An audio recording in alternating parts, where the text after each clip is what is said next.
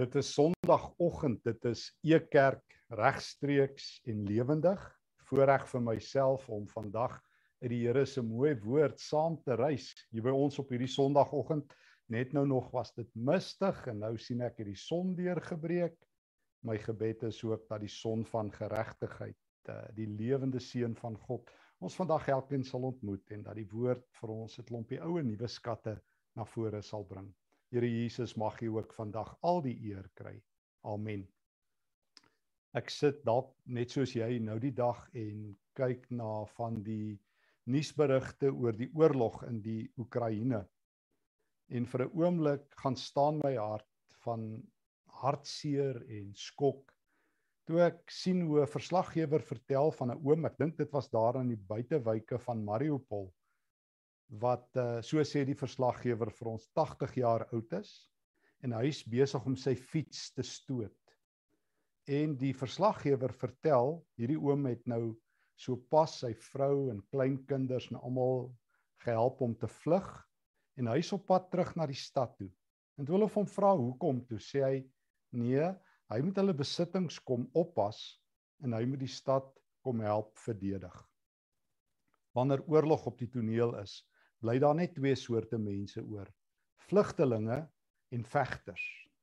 Daar is dan niks middelgrond meer nie. En selfs al is jy 80 dan en jy kan nog net jou fiets stoot, dan meld jy aan vir diens. Of jy vlug of jy veg. Min of meer dit is die verhaal van ons Here Jesus wanneer dinge suid draai. Wanneer die kruis begin wink pas na 'n uh, kan ek dit maar so sê 'n baie suksesvolle bediening draai die wind suid in Markus 8 vanaf uh, vers 27. En wil ek vandag saam met jou stil staan by die tema eers 'n kruis dan 'n kroon, eers 'n beker dan 'n troon, die roete van Jesus. Drie keer in die gedeeltes waarby ons vanoggend net gaan inloer Markus 8, 9 en 10 maak Jesus dit duidelik wat sy roete is. Ons hoor elke keer 'n reaksie en ons leer elke keer 'n les, 'n roete, 'n reaksie en 'n les. Nadat Petrus bely het hy is die Christus, kom Jesus met sy nuwe roete. Hoor net. Um ek lees daarvan in vers 31 van Markus 8. Jesus het hulle toe begin leer dat die seun van die mens baie moet ly dat hy deur die skrif die familiehoofde en die priesterhoofde en die skrifgeleerdes verwerp moet word en doodgemaak moet word en 3 dae later moet opstaan. Hy het met hulle hieroor regheid gepraat. Die nuwe roete van Jesus, die Messias, die seun van God kom om te sterf. Hy kom om te ly. Die pad van die Here, die seun van God, hy wat hemel en aarde gemaak het wat alle mag het in lewe en dood. Hy wat daar was toe ja die die wêreld daardie oggend in aansyn geroep is. Hy wat self die skepper is soos Paulus in Kolossense 1 vertel en Hebreërs skrywer in Hebreërs 1. Ook hy is nou die een wat hier op aarde is. Maar sy pad draai suid. Dit is oorlog. Daar wag dood en bloedvergieting in Jerusalem.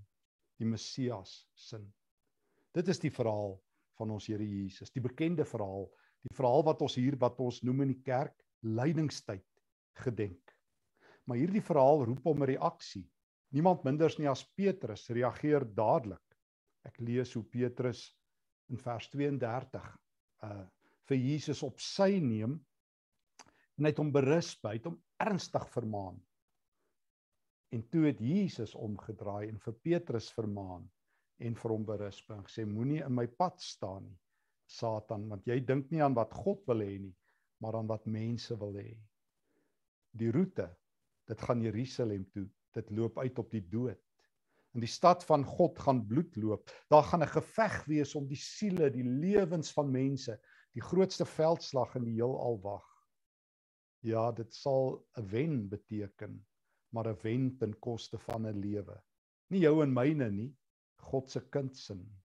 Die slag van Jerusalem, die slag van die wêreld, die heelal oorlog groter as die eerste, tweede, derde wêreldoorlog en die oorlog van die Oekraïne.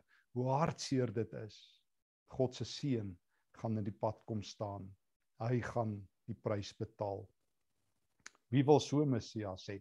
Petrus se reaksie is dalk ook jou en myne. O, dis nog altyd godsdienst se reaksie.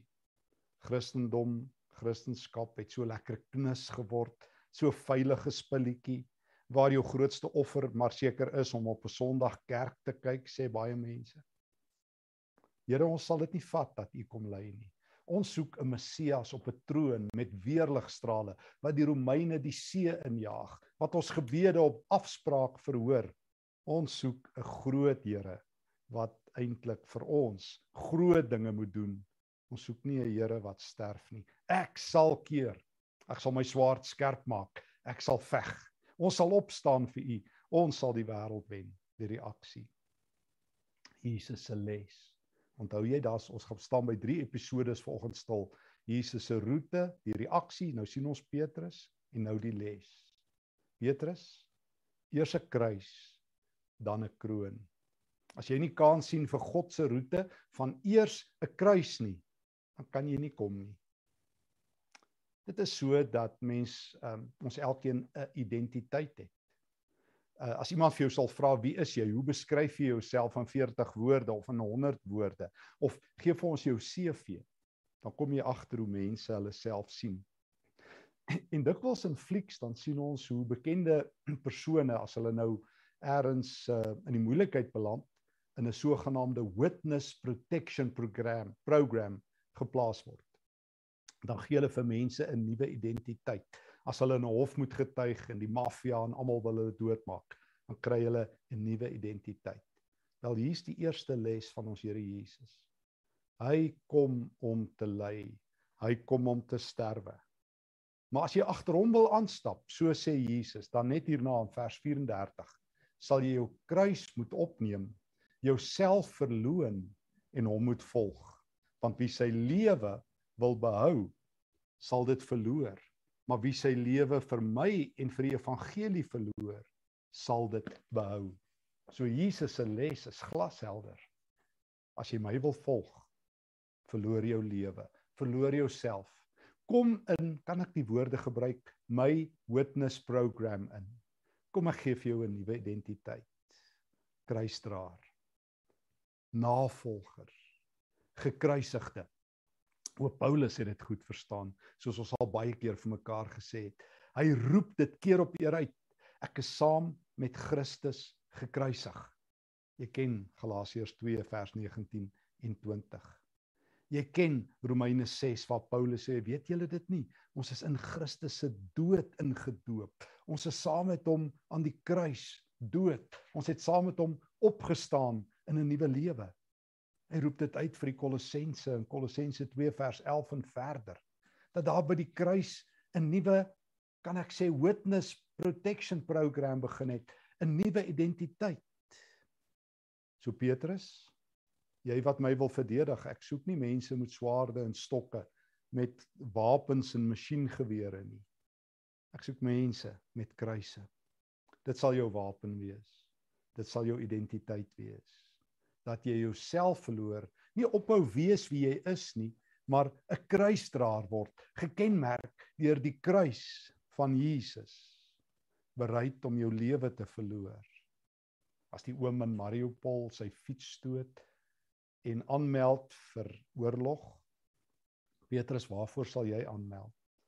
As ek sê ek gaan Jerusalem toe, ek is reg om te sterf, sal jy 'n nuwe identiteit aanneem sal jy meer wees as maar net 'n gelowige. Meer wees as iemand wat maar net sê ek het my lewe vir Jesus gegee. Want ek vra meer as dit. Ek vra of jy my kruis sal dra. Hoor weer. Stefan E Kerker, hoor weer. Ek vra meer as dat jy maar net jou lewe vir my gee en dat jy weet jy gaan hemel toe. My eerste vraag is, gaan jy saam met my oorlog toe? Gaan jy saam met my in hierdie lewe vir my staan en vir my lewe? Want daar's net een van twee opsies op my pad, vlugteling of vegter. Wat sal jy wees, Petrus? Jy wil veg, maar op die verkeerde manier. Jy moet 'n kruis dra. Dit gaan jou grootste geveg wees. Jare later skryf Petrus in 1 Petrus 2 daarby vers 21 en 22 dat Jesus vir ons 'n voorbeeld nagelaat het wat ons moet volg. Het nie kwaad met kwaad vergeld. Ehm um, artillerie met artillerie vuur beantwoord. Um, oorlog met oorlog beantwoord nie. Hy het 'n kruis gedra, sy lewe afgelê. En jy Petrus? 'n Paar jaar later, ons tweede verhaal, Markus 9. So ons eerste verhaal, eers 'n kruis, dan 'n kroon. Dis die les meld jy aan om Jesus te volg. Die tweede les lees ek van in Markus 9, een hoofstuk later, vers 30. Kom ons lees dit saam. Toe het hulle daarvandaan weggegaan en deur Galilea gereis. Jesus wou nie hê dat iemand anders dit te wete moet kom nie. Hy het vir die disippels geleer en vir hulle gesê: Die seun van die mens word in die hande van mense oorgelewer en hulle sal hom doodmaak en 3 dae na hy doodgemaak is, sal hy uit die dood opstaan. Hulle het dit nie verstaan nie, maar hulle was te bang om hom uit te vra. Net soos in Markus 8 vers 31, hoor ons een hoofstuk later, Markus 9 vers 31, die roete. Die seun van die mens. Julle soek die seun van God, maar hy's ook die seun van die mens wat kom lei. Daar in Matteus 8, onthou jy, het die skrifgeleerde vir Jesus gesê ek sal u volg net waar hy gaan. Toe sê Jesus, "Nee, jy sal my volg net waar ek gaan. Die seun van die mens het hy ook daarna homself verwys. Het vanaand nie eers 'n plek om sy kop neer te lê nie, asom behalwe die klippe van Galilea. En jy dink ek moet vir jou leksheid en veiligheid en voorspoed en deurbrake en gebedsverhorings waarborg soos al die TV evangeliste doen, kom vir jou wonderwerk. Ek is die seun van die mens en nou gaan dinge suit. En jy gaan 'n vlugteling wees weg van my af wanneer jy jou kruis moet dra. Vra vir Petrus. En jy sê jy kan my volg. Seun van die mens kom om te sterwe. Die les, die tweede les. Die reaksie. Die disippels was te bang. En toe kom hulle in Kapernaum daarna vers 33 en Jesus vra vir hulle waaroor het julle op die pad gepraat? Sou hulle dalk bespreek het ons Here kom lei? Nee. Hulle het Jesus nie geantwoord nie vers 34. Want hulle het langs die pad, hoor nou, met mekaar gestry oor wie van hulle die belangrikste is. Die les die seun van die mens kom om te lei. Reaksie nommer 1 Petrus oor my dooie liggaam, Here, ons gaan beklei. Ons gaan wapens opvat. En die eerste reaksie, jy moet jou kruis dra. Die tweede les, die seun van die mens kom om te sterwe in Jerusalem. Die reaksie, Die disippels loop onder mekaar en vra wie van ons is die belangrikste?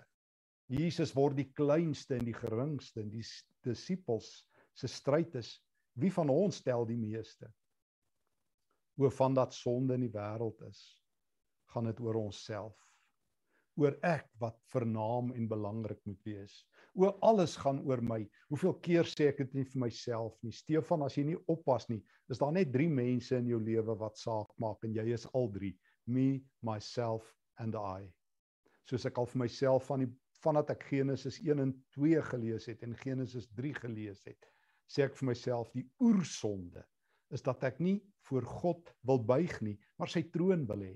En selfs al loop jy saam met Jesus, al val sy lig en sy skade weer letterlik op jou, en selfs al sit jy saam met die disippels in sy kring, dan sien jy nie kans vir sy kruis nie. Daarom is dit die ongewildste deel van die Christendom tot vandag toe om Jesus te volg in sy lyding. Soos Paulus jare later vir die Korintiërs skrywe in 2 Korintiërs 4, ons dra die dood van die Here Jesus met ons saam. Ons is breekbare kleipotte. Maar dit is juis in hierdie kleipotte omdat Paulus die prys betaal het dat die krag van God is. Dis die groot geheim, die onontdekte geheim So Jesus kom 'n tweede keer met 'n met 'n met sy roete. Die roete van die seun van God is lyding, is Jerusalem toe, is 'n geveg tot die dood toe. Die reaksie, wie van ons is die belangrikste? En dan die les. Jesus het toe gaan sit en hy die 12 geroep en hy sê vir hulle as iemand die eerste wil wees, dan moet hy die heel laaste wees en almal se dienaars toe het hy 'n kindjie geneem en hom tussen hulle laat staan en hy het sy arm om hom gesit en vir hulle gesê elkeen wat so 'n kindjie ontvang in my naam ontvang my en elkeen wat my ontvang, ontvang hom wat my gestuur het. Jesus se les. Weet jy wat? Jy moet 'n kruisdraer wees, maar jy moet ook 'n kindjie word. Hy stel hy stippel dit nie hier so sterk uit soos in Matteus 18 nie, maar die beginsel is dieselfde. As jy eerste wil wees, sal jy laaste moet wees. Dit maak geen niks sin nie. Niemand wil laaste wees nie. Die televisie het nie onderhoude met mense wat laaste gekom het nie. Hulle praat met wenners. Jy sien nie by elke Olimpiese spele onderhoude met almal wat heel laaste gekom het dan sê almal geluk dat jy laaste gekom het nie. Almal wil protos eerste wees. Maar Jesus roep ons op tot eschatos, tot laaste, die Griekse woorde. Dis hoe 'n wenner lyk. Nog meer 'n ontvanger van kindjies, iemand met 'n hart vir kinders. Hulle sê dis moeilik om kinders groot te maak. Jesus sê dis moeiliker om groot mense kinders te kry. Groot mense wil groot wees. Kinders moet groot word. Hulle moet groot word soos ons groot mense. Dan moet hulle stres en bekommer oor alles. Om 'n kind te wees is Jesus se uitnodiging. Hy is die vriend van kinders. Om 'n kind te ontvang is om hom te ontvang, is om God te ontvang, is om 'n hart van 'n kind te hê. Ek moes uh, vir Jaco Strydom daar by Echo bediening wat ook wat ons e kerk ook ondersteun onlangs 'n aanbeveling vir 'n boek van hom skrywe wat nou binnekort verskyn. En ek sit sommer in Jaco se boek en lees met die die, die, die titel gaan wees Alle sondaars welkom. Dit verskyn binnekort by Lux Verbie, maar ek sit en lees en terwyl ek voorberei vir die preek, gryp dit my weer hoe Jaco skrywe in hierdie boek oor kinders. Hy skrywe van ehm um, van toe hy vroeër jare het hy in Indië gewerk daar in Kalkutta en by al die plekke van swaar kry. Daar die Here Jaco se hart geruk om 'n hart te hê vir kinders, om self soos 'n kind te lewe. Hy vertel van die van 'n droom wat hy het van die vrolike kinders daar in die strate van Varanasi. Hy vertel sy het uit 'n vuil en 'n donker steegie verskyn. Hierdie kindjie het soos 'n engel nader gestap en vreemd na my gekyk. Iets het haar ontstel. Eers toe sy naby genoeg aan my was, kon ek sien hierdie arm kindjie kry my baie jammer. Haar oë het gehuiwer. Dit dit gelyk asof sy vir my iets wou sê. Die kindjie wou my help, maar sy het duidelik nie geweet waar om te begin nie. Dit is asof sy geweet het ek sal nooit gelukkig wees sonder 'n klomp materiële dinge nie. Ek sou nooit haar eenvoudige blydskap in daardie vuil steegie wat onbereikbaar was vir iemand soos ek kon verstaan nie.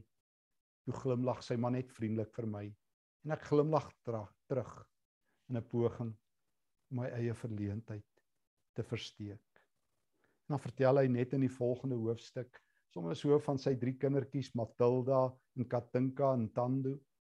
Hulle het hom roep om buitentoe te kom in dit reën en Jaco is so bietjie geïrriteerd van die kinders reën nat en hy en hy sien hoe speel hulle in die reën en hoe dans hulle in die reën Hy sê ek sou dit misgeloop het as ek nie uitgegaan het nie, as ek soos 'n tipiese groot mens in die huis bly skuil het. Jesus het nie vir kinders gesê hulle moet um, groot mense word nie. Hy het vir groot mense gesê hulle moet kinders word, skryf Jakob. Kinders kan vir ons baie belangrike dinge leer, soos om nie snops te wees nie. Hulle weet nog nie lekker aan watter nasie hulle behoort nie, watter geslag of kleur hulle is nie, en of hulle ryk of arm is nie. Hulle diskrimineer nie. As dit daar sit Jaco. Hulle is ewe lelik met alle kinders wat met hulle speelgoed wil speel, ongeag of die kind wit of swart of Chinese is. Toe ek destyds in Indië gewoon het, die haglike omstandighede waarin kinders groot geword het, my ontstel. En tog was ek dikwels verbaas oor die vreugde van die kinders op straat. Hulle kon in die modder en in die stof sit en lag. As ek 'n blydskapmeter op hulle sou sit, sou hulle seker vreugde 10 uit 10 gehaal het ryk volwassenes in 'n wêreld soos ons in het baie om by kinders te leer. Um 'n groot deel van my lewe by Echo gaan daaroor om weerlose kinders te probeer help. Maar deesdae raak ek al hoe meer bewus van die feit dat ons in ons pogings 'n fout maak as ons nie bereid is om by hulle te leer nie. Ons glo die advertensies dat um, ons net gelukkig kan wees as ons nog dinge het. Maar dalk moet ons kinders word. Dit is die les van Jesus, les nommer 1. Stefan, jy wil my volg? Eers 'n kruis, dan 'n kroon. Jy sê jy sal vir my beklei. Ek wil hê jy moet vir my lewe. Ek wil jou lewe vir my hê. Ek wil hê jy moet my volg al die dae van jou lewe. Dit moet jou identiteit wees dat jy 'n kruisdraer is.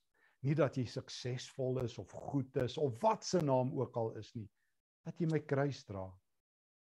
En jy jy disipel wat wat sit en wonder oor wie's die grootste en wie's die veiligste? Sal jy bereid wees om 'n kinderhart te hê? Kan ek jou opgradeer na kinderstatus toe?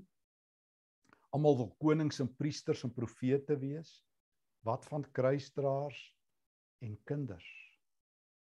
Ek het geleer, ek het so groot geword. Dit is ons ons nuwe rolle. Een belydenisskrif het gesê ons is konings, priesters en profete. Inderdaad. Maar heel eerste, heel eerste sê Jesus, kan jy 'n kruisdraer wees? Dis jou identiteit. Kan jy 'n kind wees? O ja, en derdens, Markus 10, my absolute gunsteling teks. Ek het al so baie daaruit gelees en gepreek en ek ek streef en ek pleit by die Here dat dit my lewe sal word. Derde les. Onthou jy die roete? Daarna na die roete die ehm um, die reaksie en dan die les. Markus 10 vers 33. Kyk, ons gaan nou Jerusalem toe sê Jesus. Daar sal die seun van die mens aan die priesterhoofde en die skrifgeleerdes oorgelewer word. En hulle sal hom doodmaak en aan die heidene oorlewer. Die sal met hom spot en op hom spoeg en hom slaan en hom doodmaak en 3 dae later sal hy die dood uit opstaan. Jesus kom om te ly en te sterf en op te staan. Die die roete. Die kruisroete die roete waar die reaksie moet wees dat jy eers 'n kruis moet dra, dat jy eers 'n kind moet word in die derde les. Jakobus en Johannes die reaksie, vers 35 kom toe na hom toe en hulle vra vir Jesus um vers 37 wanneer u as koning heers, laat ons dan langs u sit, die een aan die regterhand, die ander een aan die linkerhand. Kan jy dit glo? Kan jy dit glo? Die disippels soek alweer die beste plek. Hulle wil nie net die grootste hier op aarde wees nie. Nou wil hulle waaragtig die grootste in die hemel wees. Die belangrikste van alle gelowiges in die hemel. Here skuif vir Abraham, Isak, Jakob, Dawid, Samson, Salomo die hele spul en Petrus een ry terug. Ons wil die belangrikste ook in die hemel wees. Markus 9 ons wil die belangrikste op aarde wees. Ons wil ook die belangrikste mense in die hemel wees. En dan Jesus se derde les. Kan julle die beker drink wat ek drink? Kan julle die beker drink wat ek drink? Eers 'n kruis, dan 'n kroon, word 'n kind en dan nou eers 'n beker, dan 'n troon. Julle soek trone. Julle soek krone. Julle wil net vertel hoe belangrik julle in die hemel gaan wees. Kan julle bekerdrinkers wees? My beker. Kan julle julle lewe regtig vir my gee. O, julle gee julle geld en julle tyd, maar kan julle julle ego, julle ganse bestaan vir my gee? Is jy bereid om nie net jou hart vir my te gee nie, maar ook die res van jou lewe? Is jy bereid om jou vrees vir my te gee? Ek lees net ver oggend uh, sit ek 'n Maritjie en lees en sy vertel my van 'n berig in die koerant van iemand wat weer terug is in Suid-Afrika want hulle sê Europa is nou weer te onveilig. Nou waar sal jy dan nou ooit veilig wees behalwe by die Here? Want as jy jou lewe klaar vir my verloor het Petrus in Markus 8, het jy niks meer om te verloor nie. Wat kan hulle aan jou doen? En as jy 'n kind geword het, dan gaan jy skoonheid oral sien, of dit in 'n modderpoel in Indië is of dit kinderlaggies is, dan gaan jy hart van 'n kind hê en opkyk. Jakobus en Johannes, julle wat die beste plekke in die hemel soek. Is jy nie dalk bereid om my beker eers te drink nie? Eers 'n kruis, dan 'n kroon, word 'n kind en drink my beker en alles sal joune wees. En daarom roep Jesus sy disippels nader en hy leer hulle dan in vers 44: Elkeen onder julle wat eerste wil wees, moet julle almal se dienaar wees die seun van die mens het nie gekom om gedien te word nie, maar om te dien en sy lewe prys te gee. En so moet dit in julle kring wees vers 43. Elkeen by julle wat wil groot wees, moet klein wees.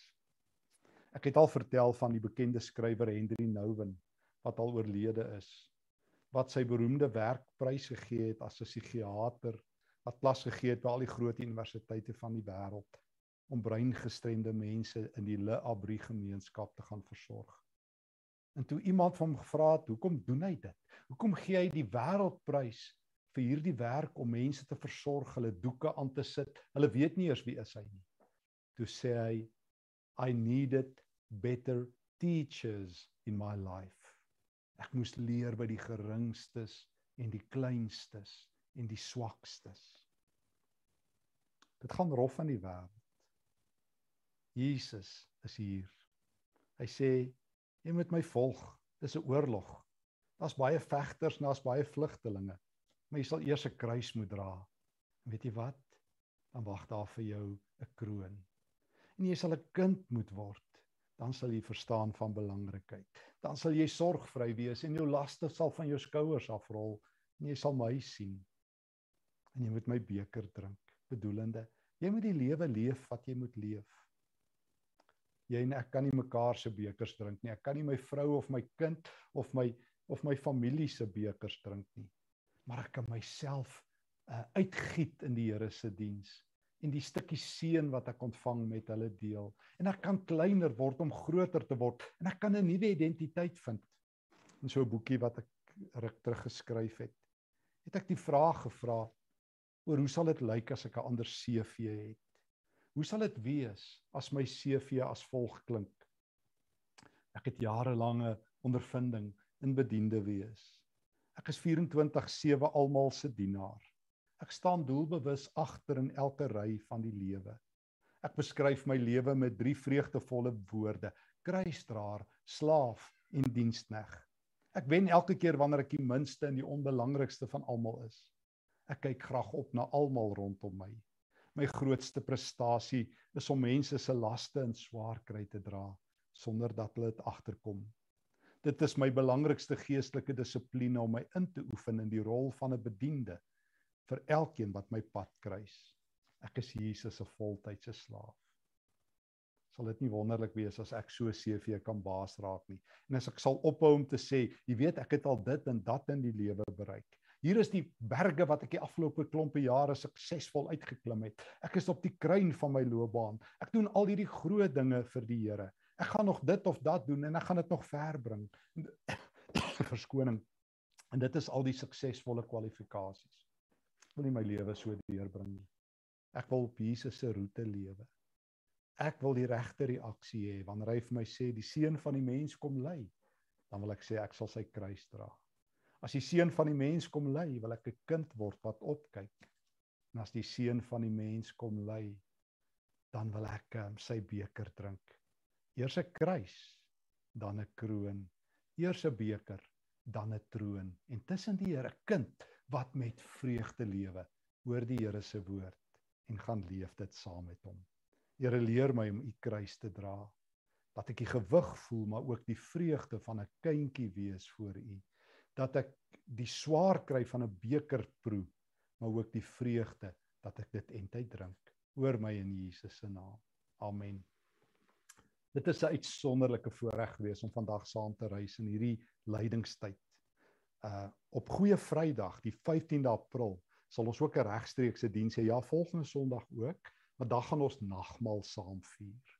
Mense uh het 'n behoefte daaraan. Ek wil jou uitnooi as jy so 'n merkie sal maak aan die oor die 15de April, is nog 'n entjie weg om op daardie uh, Vrydagoggend vir jou 'n stukkie wyn of druiwesap soos jy goed dink en 'n stukkie brood byderhand te hê. Dan gaan ons Jesus se lydingsroete daai oggend saam stap en saam ook sy teenwoordigheid vier. Dankie vir almal wat by e kerk betrokke is. Ons dank die Here dat ons by 'n klompie noodprojekte betrokke kan wees. O ja, As jy behoefte het aan terapeutiese gesprek, is jy welkom om te skrywe aan berading@ekerk.org. Dr. Jaco Pitter, uh self 'n wonderlike leraar, het um, is bereid om vir ons te help met 'n bietjie terapie en as daar mense is wat behoefte het aan persoonlike gesprekke, kontak asseblief berading@ekerk.org. Mag hierdie dag 'n dag wees waar jy 'n kruis en 'n kroon in die vooruitsig het. 'n Kruis nou en 'n kroon wat wag. 'n Beker nou drink en 'n troon, maar mag dit 'n dag van vreugde wees. Want dit is wat al Jesus se kinders nou belewe. Vreugdevolle dag vir jou. Vrede.